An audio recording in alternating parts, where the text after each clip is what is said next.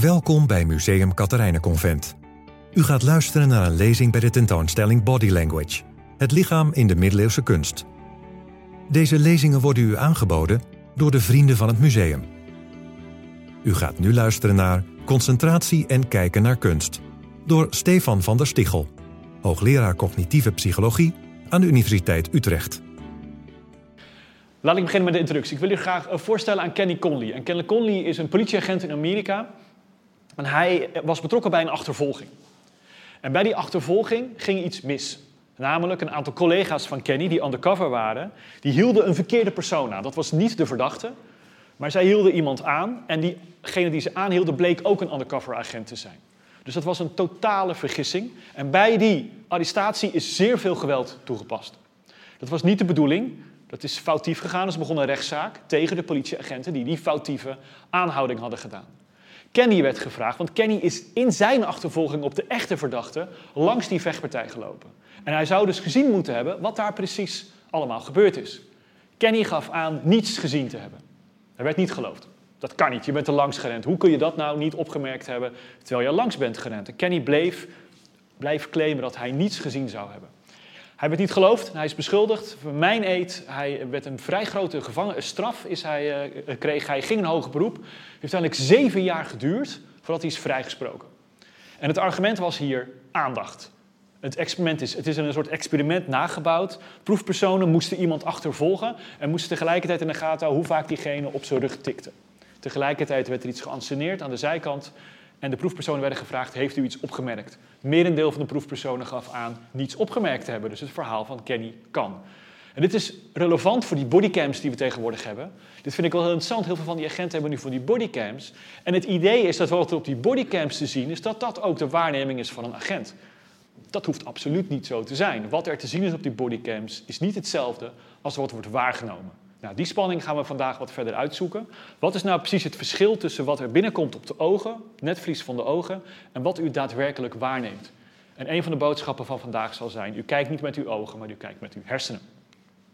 Het heeft alles te maken met een term die we aandacht noemen. En als u denkt, nou dat zal mij wel nooit overkomen, dan heb ik hier een mooi filmpje waarbij we een persoonsverandering zien. Iemand is de weg aan het uitleggen en tegelijkertijd staat er ineens een compleet ander persoon. En degene die de weg staat uit te leggen heeft dat helemaal niet door. Dus hier de mevrouw met het mooie tasje weet van niks, staat de weg uit te leggen. Zij staat op dit moment tegen iemand anders te praten dan in eerste instantie en ze praat gewoon door. Dit overkomt u ook. 7 van de 10 gevallen, we doen het experiment wel eens op straat met, met, uh, met studenten om te kijken, om ze, een beetje, om ze een beetje contact te maken met het veld. Geef met het veld. Dit is heel gebruikelijk. Het is niet raar om dat niet op te merken. Natuurlijk, als de persoonsverandering te groot is, dan merk je dat wel op. Maar bij redelijk subtiele persoonsveranderingen, dus hè, een vrouw naar een vrouw of een man naar een man, dan gaat het over het algemeen prima. En nu denkt u waarschijnlijk, al oh, wat erg. Wat, zijn we, wat is ons brein beperkt? En dat is het laatste wat ik u zo vandaag zou willen vertellen. Dat dat een beperking is van ons brein. Dat klinkt zo negatief. Ik wil u eigenlijk overtuigen dat dit enorm efficiënt is. Worden namelijk gebombardeerd met een enorme hoeveelheid aan visuele informatie. En dan heb ik het vandaag alleen nog maar over visuele informatie. En ik ga alle andere zintuigen negeren, want daar heb ik geen tijd voor. Maar we hebben ook natuurlijk het gehoor, we hebben de tast, we hebben allerlei soorten zintuigen. En wij worden daarmee gebombardeerd. u vandaag ook, als u naar de tentoonstelling gaat, er is zoveel te zien. U kunt dat niet allemaal verwerken. En dat hoeft ook helemaal niet. Dat blijkt. Ik ben een, uh, uiteraard, als we kijken naar de evolutietheorie, zijn we nu ontwikkeld met een brein wat ons behoorlijk efficiënt heeft gemaakt en succesvol. En klaarblijkelijk is het dus niet nodig om alles wat binnenkomt te verwerken. En is het efficiënt om alleen dat te verwerken wat voor u op dat moment belangrijk is. Dus ook al proberen al deze reclamemakers op dit moment uw aandacht te grijpen, maar een paar daarvan zullen het lukken. En alleen wat de aandacht heeft, dat is wat u daadwerkelijk kunt opmerken. Alle informatie alle andere informatie wordt compleet genegeerd. Ik ga uh, heel veel uh, zo met mijn hand doen. Oh, ik ga de verkeerde kant op. Oh, wacht, even een verkeerde knopje. Ik ga heel veel zo met mijn hand doen als een soort zoeklicht die door de ruimte heen gaat. En dit is een metafoor die wij in het onderzoeksveld gebruiken, de spotlight of attention. Die gaat door de ruimte heen en die licht er iets uit.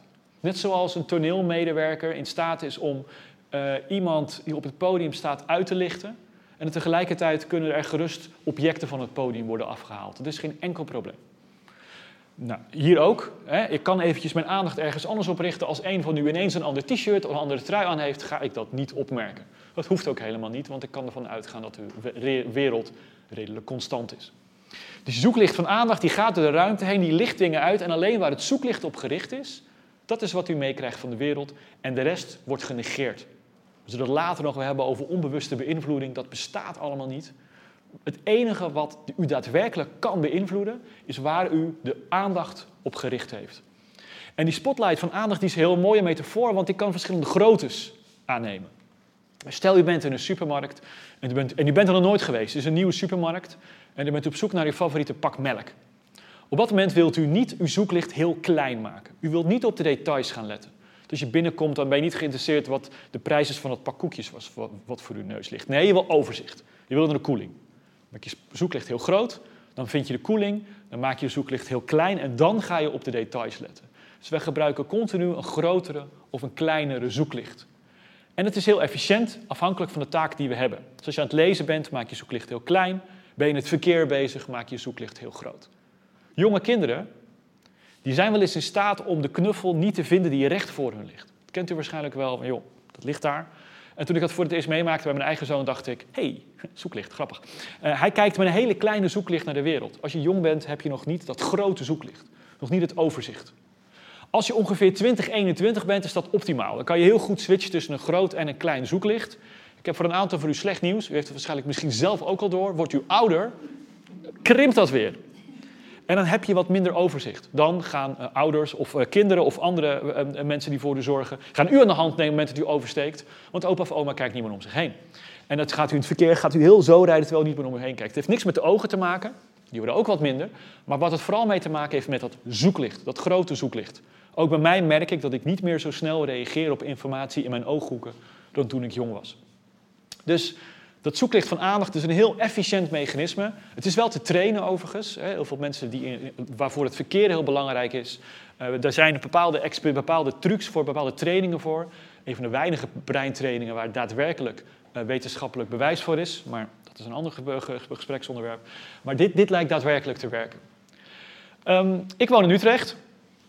En dan verzamel ik dit soort borden en dit soort plaatjes en dan verbaas ik me altijd heel erg uh, over hoeveel we weten van aandacht, hoe mooi Nederlandse wegen zijn, ontworpen. Op het moment dat we aan de weg beginnen te werken, gaat het mis. Zetten we overal borden neer die nergens over gaan. En wat doen fietsers in Utrecht? Beginnen de borden te negeren. En natuurlijk, dat is heel logisch. Iedereen wordt heel boos op die fietsers. Maar ik doe het ook. Want waar wil ik mijn aandacht op richten? Op de weg. Ik wil mijn aandacht niet naar verkeersborden richten. Een goed ontworpen weg heeft geen verkeersborden nodig. Een goed ontworpen museum heeft geen bordjes nodig. Die wijst de weg vanzelf. Want we kunnen maar op één plek tegelijkertijd onze aandacht richten. Zoals u een museum vol hangt met bordjes, gaan mensen hun aandacht op die bordjes richten of ze negeren. Denkt het nu, wij moeten tegenwoordig de hele dag pijlen volgen die op de grond liggen. Dat maakt het heel ingewikkeld om nog een beetje op je omgeving te letten. Hetzelfde voor de mensen die de hele tijd op een beeldje aan het kijken zijn. Op dat moment heb je geen aandacht meer voor de rest van, van, eh, van, de, van de omgeving.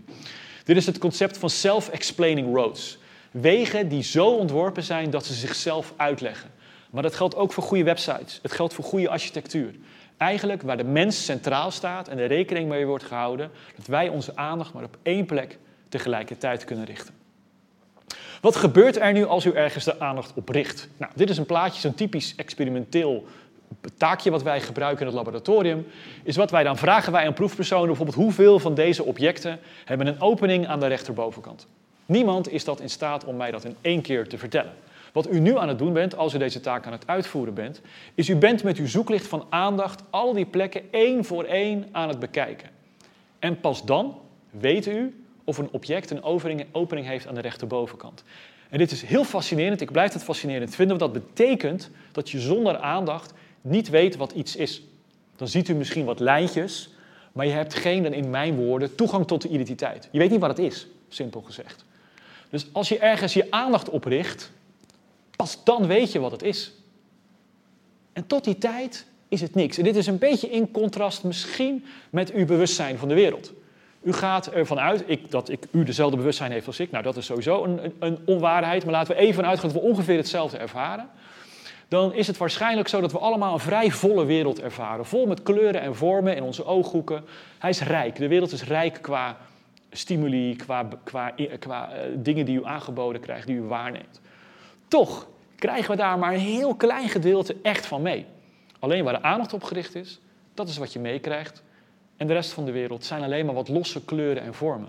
Toen ik u dit voor het eerste keer liet zien met al die gekke kleurtjes en vormpjes, ja, toen ervaarde u dat allemaal wel. Maar als ik u vroeg, wat ziet u nu daadwerkelijk? Dat is een stapje verder. En daar heb je aandacht voor nodig. Als u door een mooi bos loopt, ervaart u natuurlijk wel al die kleuren en die vormen. Maar of u weet dat een boom is, of alleen een GPS-mast uh, vermomd als boom, dat weet u pas eigenlijk echt op het moment dat u de aandacht erop richt. En dat lost een groot probleem op. Een probleem op de manier waarop onze hersenen zijn opgebouwd. Als u, u, u weet misschien dat het visuele systeem van ons brein, dat zit hier achterin, dat heeft verschillende gebieden om kleuren te verwerken en om vormen te verwerken en om oriëntaties te verwerken. Het zijn allemaal aparte gebiedjes. Het is niet één gebied, het is een soort subdivided system waarbij je verschillende verantwoordelijkheden hebt voor verschillende features, zoals wij dat noemen. Kleur is een feature, de grootte van een object is een feature.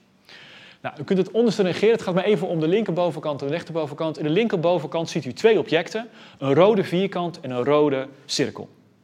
Ik ben een beetje kleurenblind, ik noem het even rood. Misschien klopt het niet, maar ik noem het even rood. Um, wat er nu gebeurt als u naar deze wereld kijkt, is dat de rode neuronen beginnen te vuren. Dus de neuronen verantwoordelijk voor rood. En de neuronen verantwoordelijk voor vierkant en cirkel. Nou, dat is geen probleem. Dat kan weer aan elkaar gekoppeld worden. Rood is hè, immers, u ziet een rode vierkant en een rode cirkel. Onze wereld is natuurlijk een stuk complexer. Er zijn veel meer kleuren en vormen. Nou, dat is bijvoorbeeld eentje. We maken hem ietsje complexer. We zien hier een rode vierkant ja, en een blauwe cirkel. Dit is moeilijk voor mij. Um, en nu hebben we een probleem. Want nu begint rood te vuren en blauw begint te vuren.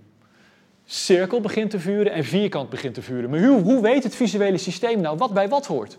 Is het nou een blauwe cirkel of een blauwe vierkant? Het is helemaal uit elkaar getrokken in, het, in ons brein en het moet ergens weer bij elkaar gehaald worden. Nou, de oplossing hiervoor is aandacht. Als u ergens de aandacht op richt, wordt alleen maar die informatie verder verwerkt en de rest wordt vergeten. Dus blauw begint heel hard te vuren, cirkel begint heel hard te vuren en uw bewustzijn weet, nou een beetje dualistisch, maar laten we dat maar even volhouden, u, het mannetje in uw brein zegt, aha, ik zie een blauwe cirkel. Het wordt aan elkaar gebonden. Dat noemen we ook het binding probleem. Ik kan het binding probleem vrij mooi aan u illustreren door dit plaatje te laten zien. En in dit plaatje zit een kat verstopt. En die kat is op dit moment geprojecteerd op uw retina, op uw netvlies. Dat weet ik 100% zeker. U opent uw ogen, u kijkt daarnaar. En ik denk dat veel van u ook de visuele waarneming zou moeten hebben om hem waar te kunnen nemen weet niet of u misschien aan de opticien moet vanmiddag, maar in principe zou dat moeten kunnen. Laten we er even van uitgaan. En wat u nu aan het doen bent, is u bent uw spotlight van aandacht op al die verschillende plekken aan het richten. En alle kleuren en vormen op al die plekken aan elkaar aan het verbinden. Heeft iemand hem al? Waar zit hij? Hier zo, heel goed. U gaat nu uw kleuren en vormen op deze plek verbinden en dan daar ziet u pas die kat. Maar die kat was er natuurlijk de hele tijd al. En als u straks of bent geweest naar de schilderijen die hier hangen en de kunstvoorwerpen die hier te zien zijn, is dit wat u doet. En als u namelijk langer blijft kijken, dan ziet u ineens dingen die er eerder niet waren. Maar die waren er natuurlijk de hele tijd al. Maar voor u waren ze er nog niet, omdat er de aandacht nog niet op gericht was. En daarom zijn die audiotours zo mooi, omdat daarin verteld wordt waar u de aandacht op moet richten.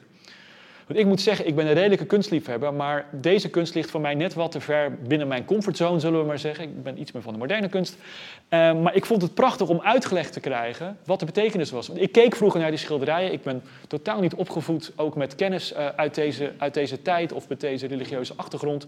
Uh, dus ik, heb echt, ik had echt guidance nodig en hulp nodig om het te begrijpen.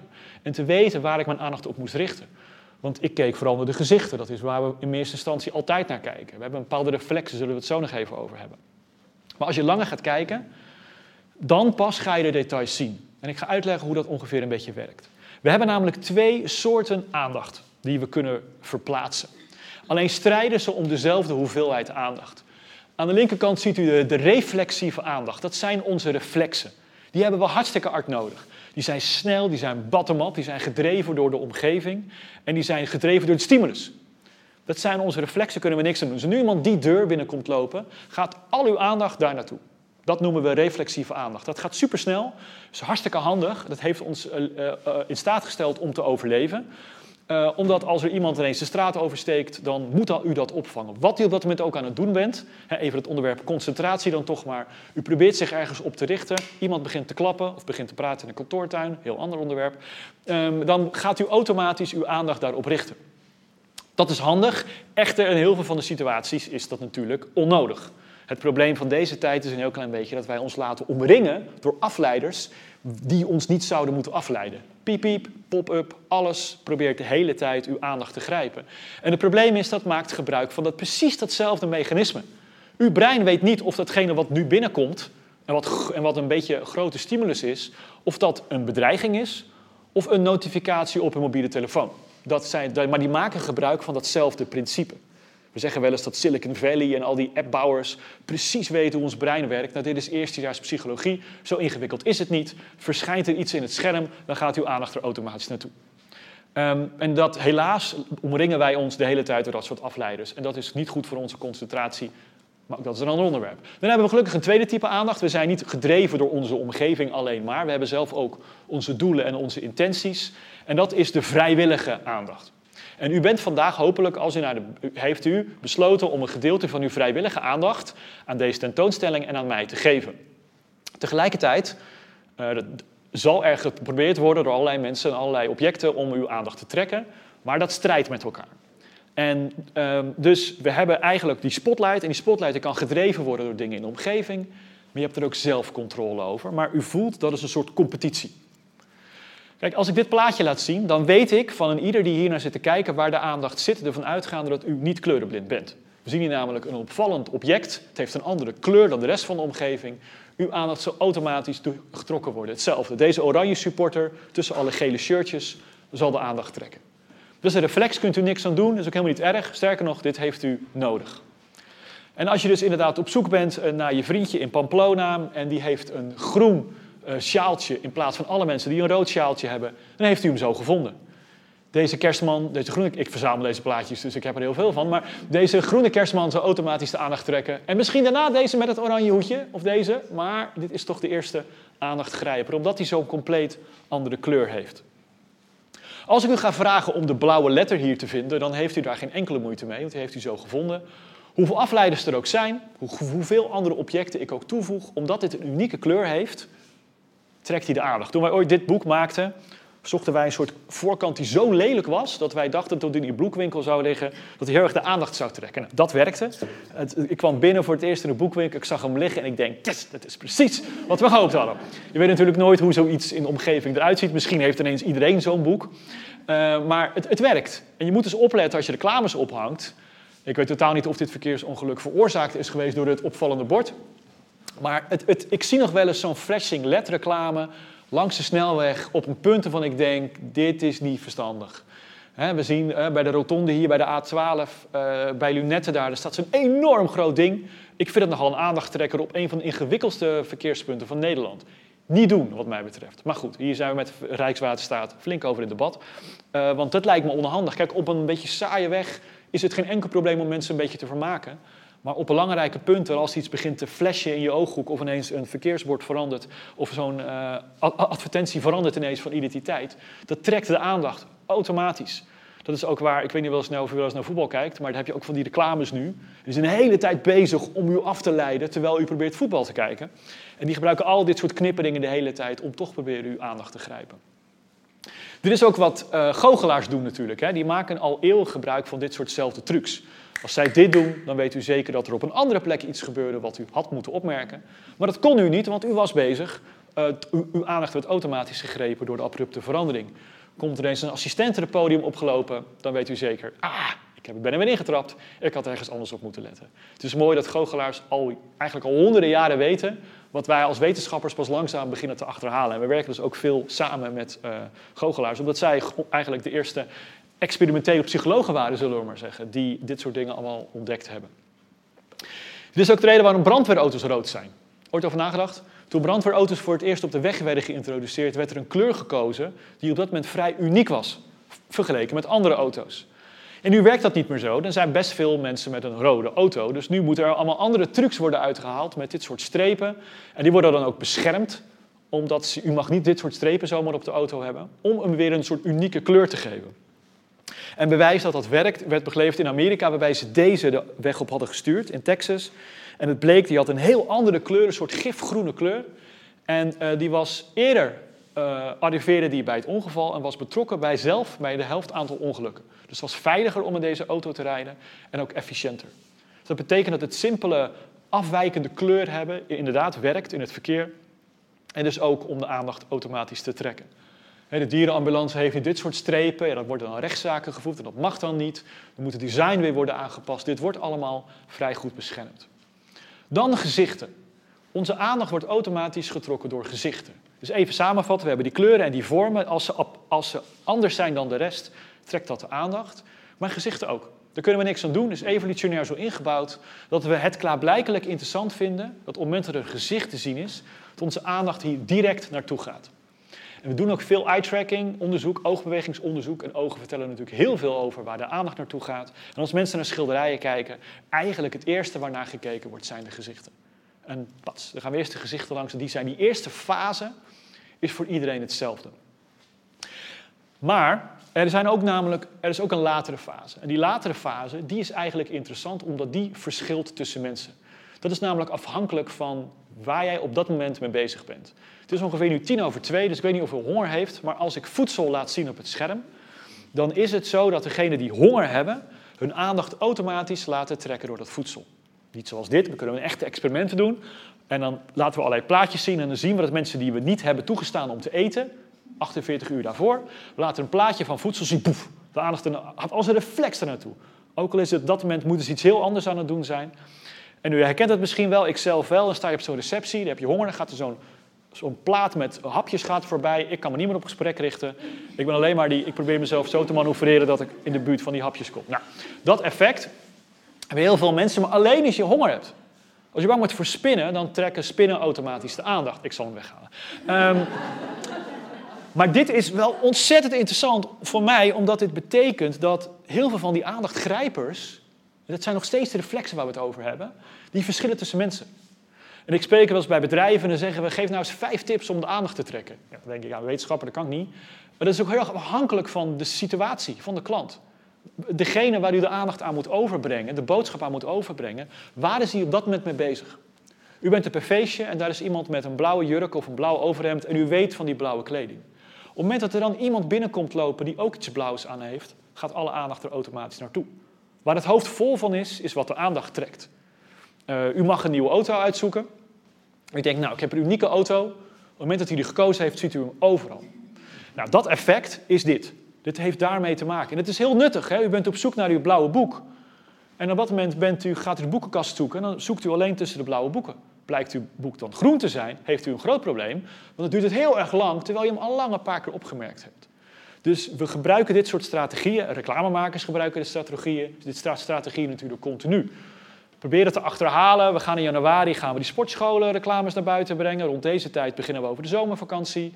Je begint erover na te denken. En dat is waarom die gepersonaliseerde reclames zo efficiënt zijn. Als Google en Facebook precies weten wat u interessant vindt, als u vandaag tickets gekocht heeft voor deze, voor deze tentoonstelling, gaat u de komende weken alleen maar dit soort tentoonstellingen zien verschijnen. Omdat is, wat is klaarblijkelijk wat u interessant vindt. En als u op internet bent, is dat voor u relevant. Gelukkig is er iets van een tegenbeweging, dat weten we ook. En dat effect noemen we namelijk banner blindness. Dat weet u misschien nog wel toen het internet voor het eerst opkwam. Toen stonden er overal van die knipperende banners. Tegenwoordig niet meer. De reden daarvoor is dat we hebben geleerd dat als iets begint te knipperen in je ooghoeken en je bent op een website, laat maar. Dat is niet relevant, dat is waarschijnlijk een reclame. Nou, banner blindness is dus een verkeerde term, het is een soort banner inattention. We hebben er geen aandacht meer voor. Dus we leren gelukkig ook dat we bepaalde dingen kunnen gaan negeren. Dus u komt binnen op die website, u kent nu.nl, u maakt uw zoeklicht heel klein en u gaat direct hier lezen en dit negeert u. Nou, dat kan, het moment dat u weet dat dit een bekende website is, staat hier nu ineens reclame, gaat het opnieuw mis. Dus dat is die, die continue strijd die gaande is tussen uw ervaringen en, uh, en, en, en waar de aandacht naartoe gaat. De Vasquerie is een mooi voorbeeld. Um, die hebben heel veel geld en moeite geïnvesteerd om een associatie te creëren tussen hun heerlijke kaas, ik vind het afschuwelijk, um, en deze uiting. En hebben ze heel veel tijd en moeite in gestopt. En wat doet de Lidl en Aldi? Die pakken gewoon zo'nzelfde verpakking. Het lijkt er een beetje op. En dat werkt natuurlijk. Hè. U staat voor de super, u staat in die koeling. eh, U staat voor de koeling hopelijk. Eh, u bent aan het nadenken over, hé, hey, ik, wil, ik heb trek in die heerlijke kaas. En dan denkt u aan die Le Vacherie. En dan gaat de aandacht inderdaad automatisch daar naartoe. Maar ook hier naartoe. Want het lijkt erop. De visuele eigenschappen zijn ongeveer vergelijkbaar. De Vacherie pikt het niet, begint een rechtszaak. Wat zegt de rechter? Nee, de consument kan dit wel uit elkaar houden. Uh, deze rechterkoe die lacht helemaal niet. Uh, die heeft niks in zijn oren hangen. Het verschil tussen deze twee producten is vrij duidelijk. Maar toch, de associatie is gemaakt. Lassie heeft ooit zijn verpakking aangepast. Die hadden bedacht dat zij wilde anders zijn en zij wilde witte verpakkingen. En op een of andere manier is rijst in Nederland blauw, de verpakking tenminste. En dat betekent dat als mensen op zoek zijn naar rijst in de supermarkt, ze zijn druk, nou, even zoeken, zoeken, zoeken, dan denk je aan blauw en dan pak je hem er automatisch uit. Net zoals vanillevla geel is. Als de vanillevla verpakking blauw wordt gevonden, gemaakt, wordt die niet meer gevonden. Wat gebeurde er met de verkoop van Lassie? Stortte in. Mensen vonden het niet meer.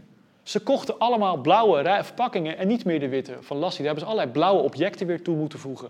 Ik heb een keer zo'n sales uh, praatje. Ik heb, ik heb een keer de sales manager van Lassie op zo'n podium gezien. En die zei: Wij hebben een enorme fout gemaakt. Het was een dramatische fout en het heeft ze behoorlijk wat geld gekost. Alleen maar omdat ze dachten dat ze wel even de verpakking aan konden passen. Zonder zich bezig te houden met hoe de aandacht werkt. Uh, verkeersborden aan de rechterkant worden in Nederland ook veel beter opgepikt dan verkeersborden aan de linkerkant. Simpel omdat wij geen verkeersborden aan de rechterkant verwachten. Een mooi voorbeeld hier ook van is de Koentunnel. De Koentunnel is een drukpunt, verkeerspunt, dat kent u wel. En wat zij een paar jaar geleden gedaan hebben, is ze hebben een soort wisselbuis toegevoegd. Die gaat s'avonds open voor verkeer van de ene kant en s ochtends open voor verkeer van de andere kant. En als die dus dicht is, wordt die afgesloten met een slagboom. En dat is onverstandig. Dat weten we, dat zien we nog steeds, dat één keer per maand knalt er iemand tegen die slagboom aan. Hier ziet u hem. En het is bizar als je er langs rijdt. Ja, hij gaat er tegenaan knallen. En dit gebeurt nog steeds. En natuurlijk 99,9% van de mensen rijdt keurig langs. Maar er is nog steeds wel regelmatig iemand die tegen die slagboom aanknalt. En wat ze ook doen, hoe opvallend ze hem ook proberen te maken, het gaat ze niet lukken. De reden daarvoor is dat wij geen slagbomen verwachten. En stilstaande objecten op een weg zijn levensgevaarlijk. Want waar zijn wij bezig als we in de auto zitten? Met bewegende objecten. Er zijn heel veel ongelukken bekend van mensen die op de weg hebben gestaan, zijn aangereden, van de automobilist zei niet gezien. En ik was gewoon op de weg aan het kijken. En ik heb het totaal niet opgemerkt. En u weet nu dat dat kan. Dat het dus mogelijk is dat je iets niet oppikt, terwijl het de hele tijd zichtbaar was. Maar zichtbaar is niet hetzelfde als het, ook wordt opgemerkt. Een kunstenaar kan wel zo zijn best doen om iets weer te geven, maar als het niet de aandacht trekt, als het niet de aandacht krijgt, zal het niet worden opgemerkt. Ik kan u laten zien dat we de wereld allemaal een beetje anders waarnemen. Uh, ik kan bijvoorbeeld deze kant van de zaal vragen om aan Bugs Bunny te denken, een konijn, en deze kant van de zaal een Alfred J. Kwak. En de bovenkant mag u zelf beslissen wat u daar, wat u, welke, welke van de twee u kiest. Nou, denk er even over na. Maak de associatie met Herman van Veen. Nou, allemaal associaties die u misschien heeft bij, deze, bij een van deze twee. En dan ga ik u dit object laten zien. En wat u nu ziet, is u ziet een eend of een konijn. Afhankelijk van, waarschijnlijk afhankelijk van waar u aan gedacht heeft. Degene die aan een konijn hebben gedacht, zien nu een konijn. Diegenen die aan een eend hebben gedacht, zien nu een eend. Um, en je kunt ze niet allebei tegelijk zien. Het is waarschijnlijk wel mogelijk om de andere te gaan zien, maar daar moet je even best voor doen. Dat is niet vanzelf en sommige mensen hebben heel erg moeite om de andere interpretatie te zien. Dit zijn zogenaamde ambiguë figuren. En die ambiguë figuren, dat zijn eigenlijk objecten die je op twee verschillende manieren kan zien. Dit is de klassieke duck-rabbit illusion. En ik ging een paar weken geleden stuk omdat ik deze kreeg opgestuurd. Dit is de duck-rabbit illusion in real life. We zien hier een drijvende konijn of zoiets. Het is een eend die zijn hoofd zo naar achter heeft, maar ik zie er een konijn in. Um, maar wat ik interessant hieraan vind, is dat ons brein moet omgaan met dit soort onzekerheden. We moeten de hele tijd, daar allemaal maar met die input, moeten we maar, moeten we maar wat mee doen. En wat blijkt, dat hebben we ook vandaag hopelijk een klein beetje aangetoond, is dat hoe de manier waarop je naar de wereld kijkt, wat jij op dat moment belangrijk vindt, dat is ook hoe je de wereld gaat interpreteren. En we zien hier een hele klassieke foto. We zien aan de linkerkant de inauguratie van Obama, de rechterkant de inauguratie van Trump. En u begrijpt hem gelukkig al. Er waren echt mensen, nog steeds, die denken dat bij de inauguratie van Trump meer mensen aanwezig waren bij de inauguratie van Obama.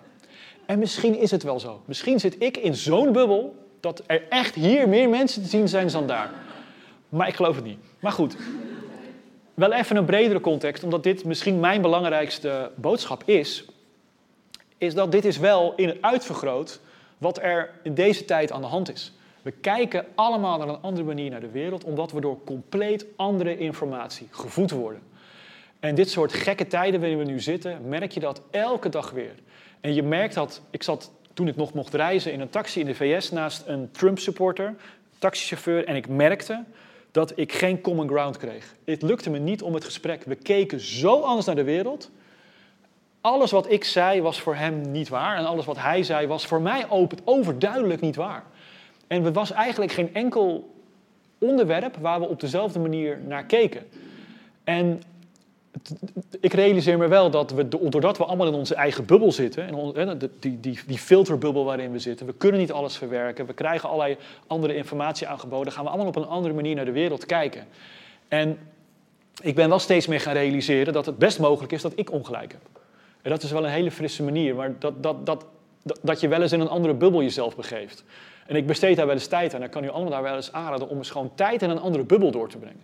Om gewoon eens te kijken wat er dan gebeurt. Op het moment dat je praat met een corona-ontkenner of dat je met een klimaatontkenner. En gewoon eens even kijken wat voor informatie krijg jij. Hoe ziet jouw timeline op Facebook eruit? Hoe ziet jouw gesprekken eruit? Um, ik, ja, dit wordt opgenomen, ik moet een beetje op gaan letten. Um, maar ik kom uit een andere, ik kom uit een, nou dat mag wel. Ik kom uit een familie waar, uh, die niet hoog opgeleid is en dan zijn verjaardagen heel erg interessant.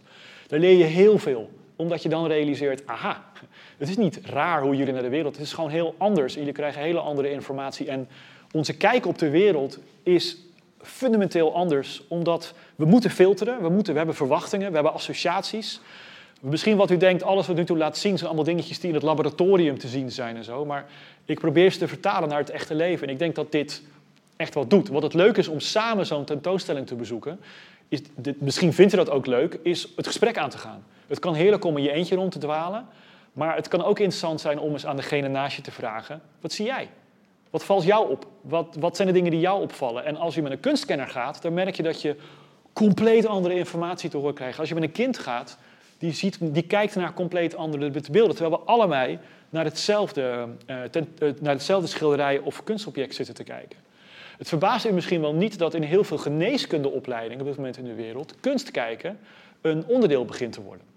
Dat vinden ze ook vooral heel leuk natuurlijk. Hè. Dan gaan, mogen ze s'avonds, alle studenten mogen naar het museum, worden ze rondgeleid. Maar het is allemaal niet super wetenschappelijk. Maar de, uh, de vragenlijsten in de afloop worden ingevuld, vind ik heel positief. En als je het enigszins probeert objectief te meten, dan lijkt het ook wel dat uh, uh, artsen die zo'n opleiding hebben gevolgd, heel kort daarna gemeten, langer termijn is nog nooit gemeten, ook een betere observaties doen. En het is niet heel gek als je realiseert dat kunst je vooral laat zien dat je op de details moet letten.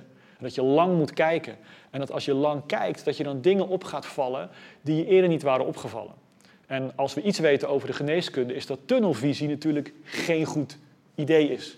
Je moet proberen te kijken zonder verwachtingen en vooral observeren. En um, hoe vaak zit een arts niet alleen naar zijn computerscherm te kijken, dossiers in te vullen? Ten eerste is het belangrijk om echte aandacht te geven. Als je aandacht krijgt van iemand, dan weet je dat je naar je geluisterd wordt. Hoe belangrijk is het om deze tijd nog echt aandacht te krijgen? Dat zien we in de zorg, uh, dat zien we in de gehandicaptenzorg. Het is ontzettend belangrijk voor mensen om zich gehoord te voelen. Want die arts die naar zijn laptop kijkt, die kan misschien wel luisteren. Maar dat weet je niet helemaal zeker. Ik heb een zoon die heeft moeite met aankijken, die is nogal druk, dus die kijkt de hele tijd weg. En ik heb hem ook moeten leren om, als jij uh, naar je leraar wilt laten zien dat je luistert, moet je kijken. Hij zei, ja, maar ik kijk. Maar, of ik luister, ik geef wel aandacht. Het is namelijk heel goed mogelijk om aandacht te geven terwijl je niet kijkt. Maar dan weet je natuurlijk nooit helemaal zeker. Je moet wel rekenschap geven van het feit dat je daadwerkelijk ook aandacht hebt. Maar realiseer je wel dat het voor bepaalde mensen heel moeilijk is. Kinderen met ADHD, die kunnen niet stilzitten. En die kunnen ook niet aankijken, want het is heel moeilijk. En zo, dan moeten ze informatie ook verwerken.